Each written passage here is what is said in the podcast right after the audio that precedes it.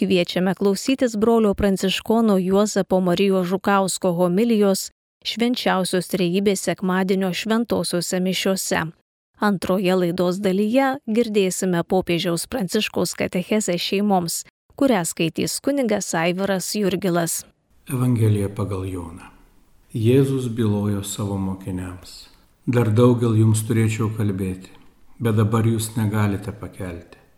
Kai ateis toji tiesos dvasia, jūs įves į tiesos pilnatvę Ji nekalbės iš savęs, bet skelbs, ką bus išgirdus ir praneš, kas dar turi įvykti. Ji pašlovins mane, nesims iš to, kas mano ir jums tai paskelbs. Visa, ką tėvas turi, yra ir mano. Todėl aš pasakiau, kad jiems iš to, kas mano ir jums tai paskelbs.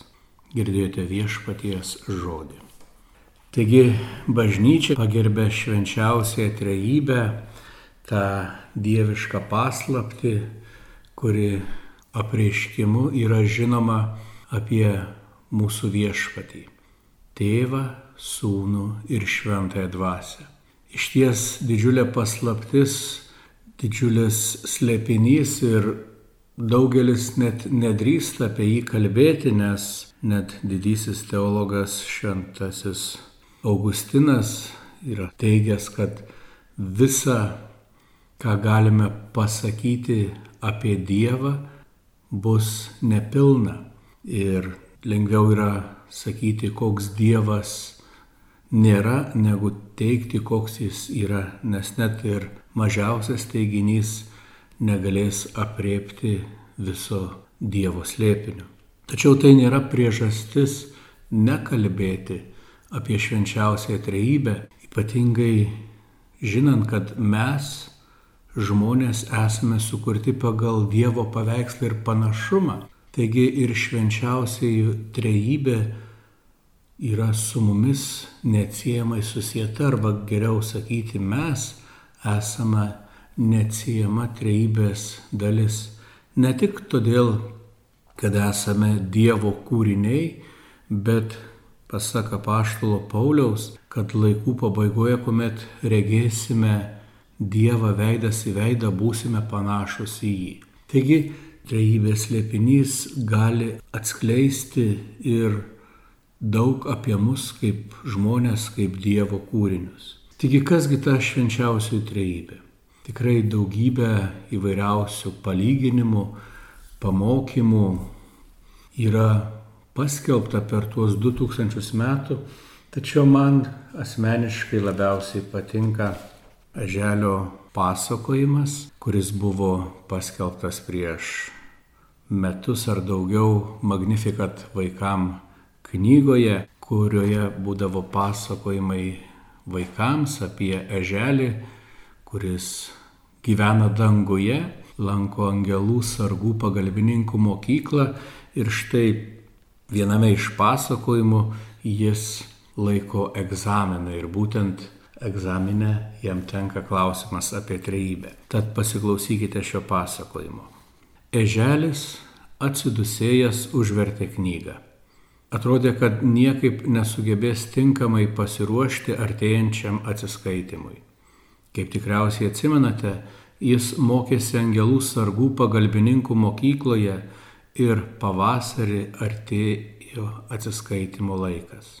Angelai sargai ir jų pagalbininkai danguje buvo ypatingai gerbiami dėl savo nesavanaudiškumo, gerumo ir puikaus dangiškų dalykų išmanimo. Kiekvienas dangaus gyventojas galėjo būti tikras, jei kas būdavo neaišku ar painu, užtenka paklausti bet kurį angelą sargą ar jo padėjėją, ir problema bus kaip mat išspręsta. Tad nenustabu, kad kiekvienas norintis tapti angelų sargų pagalbininku turėjo visus egzaminus išlaikyti kuo puikiausiai. Drąsos eželiui nepridėjo ir tai, kad eidamas mokyklos koridoriais matė, kaip kiti ruošiasi atsiskaitimui. Štai voverė susėdusi su lape pakaitomis uždavinėjo viena kitai klausimus ir čia pat į juos viena kitai atsakinėjo nesustodamos pagalvoti atsakymo. Viskas visiems atrodė taip paprasta, o eželiui viskas atrodė taip painu. Galiausiai net pradėjo tikėti, kad jam čia ne vieta ir kad tik per klaidą bus papuolęs į šią garbingą angelų sargų pagalbininkų mokyklą. Liūdnų minčių prislėgtas eželis stipeno namo. Jau pradėjo galvoti, kaip čia reikės visų atsiprašyti už nepateisintus lūkesčius ir kuo užsiimti, kai bus pašalintas iš angelų mokyklos. Bet dangus nebūtų dangus, jei ten, ką nors nuliūdusi, tuoj pat nepastebėtų mergelė Marija. Juolab, kad Marija buvo labai gera eželio draugė. Tad jis su dar didesniu susirūpinimu ėmė teirautis, kodėl šis toks nusiminęs. Eželis jai papasakojo per tėjantį atsiskaitimą, kurio metu jo angelų komisija galėjo paklausti apie bet kurią giliausią dangaus paslaptį. Ir visi tikėjosi, kad jis žinos atsakymą. Marija išgirdusi eželio rūpešius tik nusišypsojo. Visų atsakymų nežino niekas, tik pats Dievas, tarė Marija. Net aš gyvendama žemėje te galėjau tik stebėti, klausytis ir viską saugoti širdyje, pasitikėdama, kad Dievas atėjus laikui viską paaiškins pats. Tiesa, tai nereiškia, kad nieko negalime žinoti, bet yra dalykų danguje, kuriuos galima nujausti tik širdimi. Tad visat klausyk savo širdies. Marija su šypsena patarė želiui. Nespėjusi želiui nieko atsakyti, Marija jau buvo nuskubėjusi savo niekad nesibaigiančių darbų tvarkyti. Nors ir iki galo nesupratęs, ką Marija norėjo pasakyti, eželis pasijuto ramiau. Daug dalykų apie Dievą ir dangų jis jau buvo išmokęs, o ten, kur laukia keblumai, nusprendė pasikliauti savo mažą bet mylinčia ir paprasta širdelė. Atėjo lemtingas egzaminų rytas. Visi angelų pagalbininkų mokyklos auklėtiniai sunerime stebėjo, kaip vienas po kito buvo šaukiami mokiniai ir ištraukė biletą su ant jo užrašytų klausimų, sėdo į suolus ruoštis, atsakinėti prieš komisiją. Atėjo ir eželio eilė. Jis susikaupęs priejo prie gausios angelų komisijos ir ilgai negalvojęs paėmė pirmąjį arčiau buvusi lapelį su klausimu. Pažvelgė į užduotį ir nustėro. Tokių klausimų net neturėjo būti atsiskaitimi. Niekas, visiškai niekas nežinojo atsakymo į šį klausimą.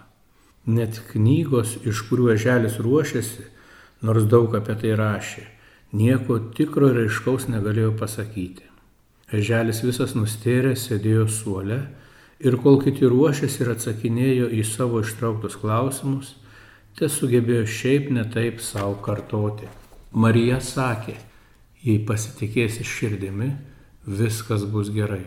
Bet kaip gali būti gerai, kai niekas netgi danguje nežino teisingo atsakymo? Net nepajutęs, kaip ir kada atėjo laikas atsakinėti, eželis prisertino prie egzaminų komisijos stalo.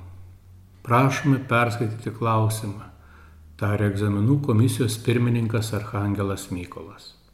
Prašome paaiškinti švenčiausiai trejybę. Skaidriu, bet kiek drebančių balsų eželis perskaitė ant lapelio užrašytą klausimą ir pakėlė į komisiją akis. Visi aplink nuščiuvo. Šį klausimą atsiskaitimo metu per paskutinius 500 metų buvo ištraukę tik du mokiniai ir abiems jiems teko perlaikyti egzaminus, nes jų atsakymai neįtikino komisijos. Atsigręžęs į mokslo draugus, eželis išvydo ne vieną užuojautos pilną žvilgsnį, o ir pati komisija nepatogiai jautėsi uždavusi šį klausimą, nes jie ir patys nebuvo tikri, kaip išlaikytų šį egzaminą. Tačiau atsiskaitimas turėjo apimti visas dangaus paslaptis, tad net patys sunkiausi klausimai turėjo būti įtraukti į egzamino klausimus. Eželiui nieko kito nebeliko, kaip tik pažvelgti į savo mylinčios širdelės gelmes ir atsidusus pradėti kalbėti. Dievas tėvas tai lyg širdis, visą savie talpinanti ir be galo mylinti. Bet jei esi vienas ir vienintelis, tuomet kągi gali mylėti? Tuomet tau reikia kito, kuriam galėtum dovanoti savo meilę. Dieviška meilė begalinė, tad ir dovanojant nieko savo nepasilieki, visą save atiduodi. Nieko savo nebepasilieki, visą iki paskutinio lašelio atiduodi. Tuomet tas kitas turi viską, ką Dievas tėvas turėjo ir nieko jam nebegalima pridėti. Ta kita galime pavadinti sūnumi, nes viską iš savo tėvo gavo. Čia želis nedrasiai pakėlė akis į jį stebinčius angelus, bandydamas suprasti, ar visiems aišku, ką jis pasakoja. Ir iš ties Arhangelas Gabrielius turėjo jam klausimą. Jei jau tėvas Dievas visą save atidavė sūnui, ar jis pats tuomet neturėjo išnykti? Visai ne, paskubėjo paaiškinti želės. Nes sunus, būdamas tikras tėvo vaikas ir turėdamas tokią pat meilę tėvui, čia pat viską jam gražina, nieko nepasilikdamas savo. Taigi ir tėvas, ir sunus viską turi tą patį, nors lieka atskiri asmenys. O kaipgi su šventąja dvasia, trečiuoju treibės asmeniu į diskusiją įsitraukia Arhangelas Rafaelis. Čia tai jau viskas aišku, nusišypsojo želės. Ji ir yra toji meilė, kuri visą iš tėvo perdoda sūnų ir iš sūnaus gražina tėvui. Atlikdama šį darbą, jie ant savo pečių perneša visą, kas yra Dievas. Taigi tuo momentu turi viską, ką turi Dievas. Ir tuo pačiu lieka atskiras asmuo. Štai ir turime tris dieviškus asmenis, bet tik vieną Dievą užbaigė savo paaiškinimą eželės. Kurį laiką danguje tvyravo tyla kuri tuoj pat buvo nutraukta džiaugsmingų ir nuostabos kupinų šūksnių. Dar niekas iki tol nebuvo taip aiškiai ir paprastai paaiškinęs tai, ko paaiškinti neįmanoma. Eželį beliko tik šypsotis ir priimti sveikinimus, kurie jo giliausių įsitikinimų turėjo būti skirti mergeliai Marijai, išmokusiai jį mąstyti širdimi. Tai štai graži istorija apie Dievą Tėvą, Sūnų, ir šventąją dvasę, kurios jungia meilės ryšys, kuri moko visą save dovanoti, priimti kitą save dovanojant ir taip pat gražinti tą meilę atiduodant save patį. Ir štai toji šventoji dvasia yra to pati dvasia, apie kurią kalbėjome praėjusią sekmadienį, sėkminių dieną toji meilės dvasia, kuri atsiusta ir bažnyčiai, ir atsiusta kiekvienam žmogui. Ir toji dvasia taip pat atneša į mūsų gyvenimus Dievo artumą ir viešpaties pažinimą. Ir kiek mes sugebame savęs atiduoti Dievui ir priimti iš Dievo ateinančią dvasę, tiek mes dalyvaujame tame trybės gyvenime. Ir vyksta nuostabus mainai. Mes atiduodame savo silpną, sužeistą žmogiškumą ir esame pripildomi šventumo ir Dievo dvasios. Ir taip pamažu daromės panašus į dangiškai tėvą, pamažu daromės vis šventesni. Tai toji pati dvasia, kuri buvo prarasta žmonijos per neklusnumo nuodėmę. Ir daugybę amžių žmogus neturėjo ryšio, galima sakyti, su Dievu, nebent viešpats siūsdavo savo dvasę kaip atskirą momentą, kalbėdamas per pranašus, per patriarchus, per savo pašauktuosius. Tačiau štai ateis laikų pilnatvėjai, kai pirmoji prisikėlusiojo dovana ta šventoji dvasia sugražinama žmonijai, kad vėl užmėgstų mūsų ryšį su dangiškuoju tėvu, sunumi ir tą pačią šventąją dvasę. Ir toji dvasia ne tik, kad jungia mus su dangumi, bet jį jungia ir mus kartu, darydama mūsų bažnyčią. Tos dvasios dėka mes papildome vienas kitą, papildome vienas kitą savo maldomis, užtarimu, nešiodami vienas kito naštas, užtardami prieš Dievą ir taip pat naudodamiesi šventųjų globa ir užtarimu. Tai toji pati dvasia, kuri kaip meilės ryšys sujungia ir mūsų širdį su mūsų visu buvimu ir mes galime save pažinti tokius, kaip Dievas mus mato. Galime atpažinti savyje Dievo vaikų dvasę, atpažinti savo tikrai pašaukimą ir atrasti savo kelią žemiškoje kelionėje. Taigi šventoji trejybė jau nebėra tolima paslaptis, bet mūsų kaip bažnyčios patirtis, vedanti į mūsų pilnatvę, į mūsų bendrystę su Dievu. Tad švesdami šią švenčiausios rybės šventę šveskime mus kaip bažnyčia, kaip bendruomenė, mus kaip Dievo vaikus.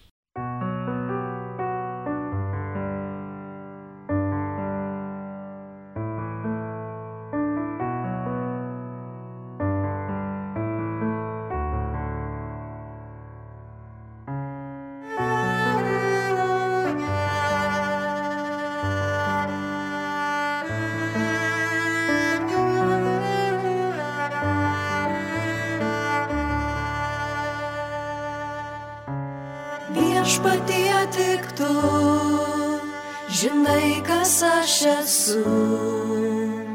Jėzau, vesk mane, neleis suklūt. Viešpatie tik tu, žinai, kas aš esu. Leis gėdoti tai, kuo gyvenu.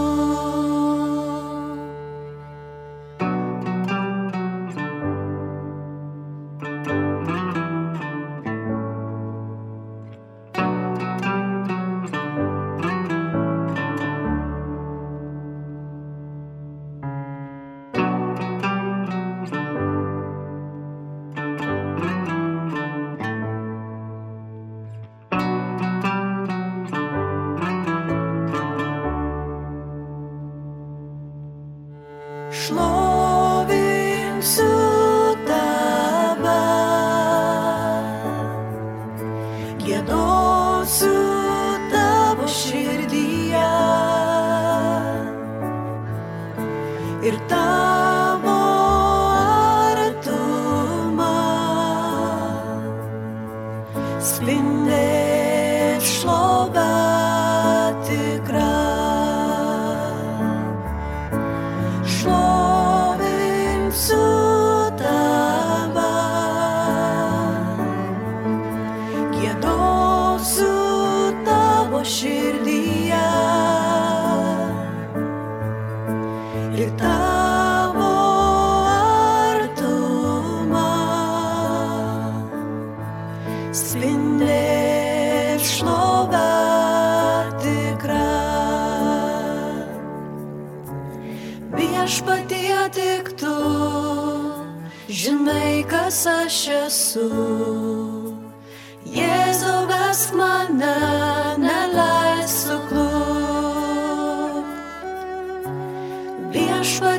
Tik tu, žinai, kas aš esu. Leisk gėdoti tai,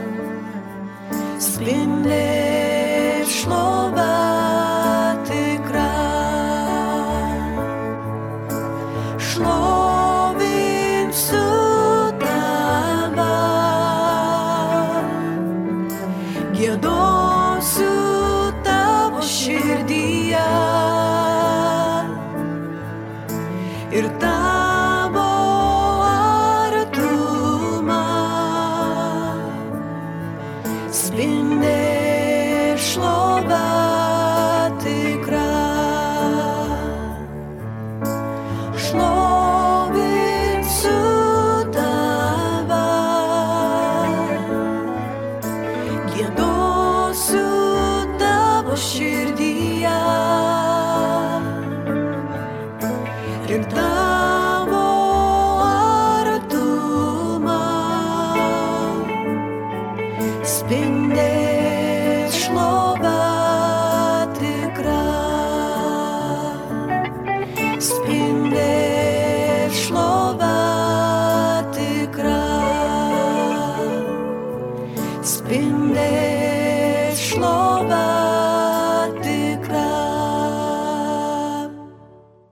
Atvirumas sužeistom šeimoms.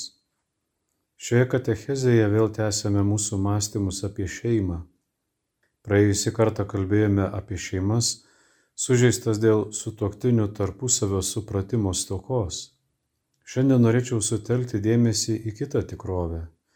Kaip galime pasirūpinti tai žmonėmis, kurie nepataisomai suirus santokiniam ryšiui sudarė naują sąjungą.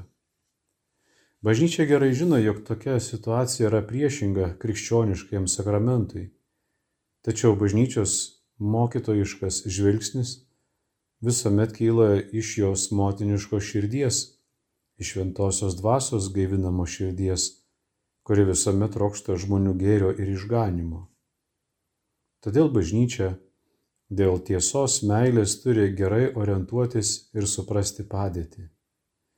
Taip rašė šventasis Jonas Paulius II apaštališkajame paraginime Familiaris konsorcijo kaip pavyzdį pateikdamas skirtumą tarp tų, kuriems buvo primestas atsiskirimas ir tų, kurie jį sukėlė. Reikia tai skirti. Kai žvelgime į tuos naujus ryšius mažų vaikų akimis, o vaikai gerai įsižiūri, dar geriau matome skubų poreikį ugdyti mūsų bendruomenėse tikro prieimimo nuostatą žmonių gyvenančių tokiuose situacijose atžvilgiu. Todėl svarbu, kad bendruomenės stilius, jos kalba, nuostatos visuomet išreikštų dėmesingumą žmonėms, pradedant nuo vaikų. Būtent jie labiausiai kenčia esant tokiai situacijai. Kaip galime siūlyti tom šeimoms daryti viską auklėjant vaikus krikščioniškajam gyvenimui ir duoti įtikinamo bei praktikuojamo tikėjimo pavyzdį, jeigu juos laikome atokiai nuo bendruomenės gyvenimo, tarsi jie būtų ekskomunikuoti. Reikia elgtis taip, kad neuždėtume papildomų naštų prie tų, kurias vaikai tose situacijose ir taip turi nešti. Deja, tų vaikų ir jaunuolių yra iš tikro daug. Svarbu, kad jie suvoktų, jog bažnyčia yra kaip dėmesinga motina, visuomet pasirengusi išklausyti ir susitikti. Šiais dešimtmečiais bažnyčia iš tikrųjų nebuvo nei nejautri, nei tingi. Kadangi šis klausimas buvo ganytojų nuodugniai nagrinėjimas, vadovaujant ir patvirtinant mano pirmtakams, buvo geriau suvokta, kad būtina broliškai ir dėmesingai, su meile ir tiesa priimti tuos pakrikštytuosius, kurie suirus sakramentiniai santokai gyvena naujoje bendro gyvenimo sąjungoje. Šie žmonės jokių būdų nėra ekskomunikuoti. Jie nėra ekskomunikuoti. Nieko gyvų nedėra jų taip traktuoti. Jie ir toliau priklauso bažnyčiai.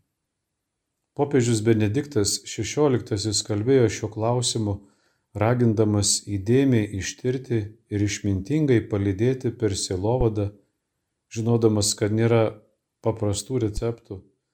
Todėl ganytojai pakartotinai ragino bendruomenės atvirai ir nusekliai rodyti pasirengimą juos priimti ir padrasinti, kad jie išgyventų ir vis labiau stiprintų savo priklausomybę Kristui ir bažnyčiai per maldą, Dievo žodžio klausimą, dalyvavimą liturgijoje, krikščionišką į vaikų ugdymą, artimo meilę ir tarnavimą vargšams angažavimąsi dėl teisingumo ir taikos.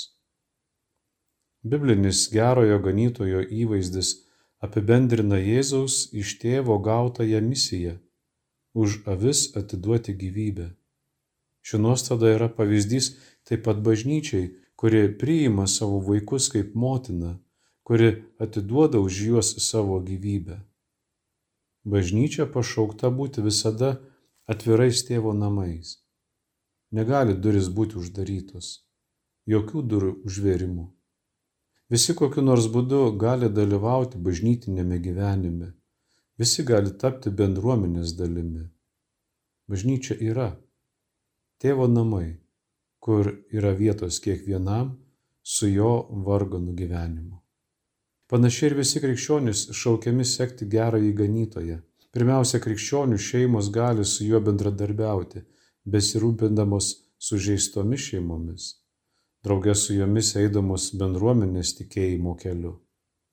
Tegul kiekvienas daro tai, kas nuo jo priklauso, priimdamas gerojo ganytojo nuostatą.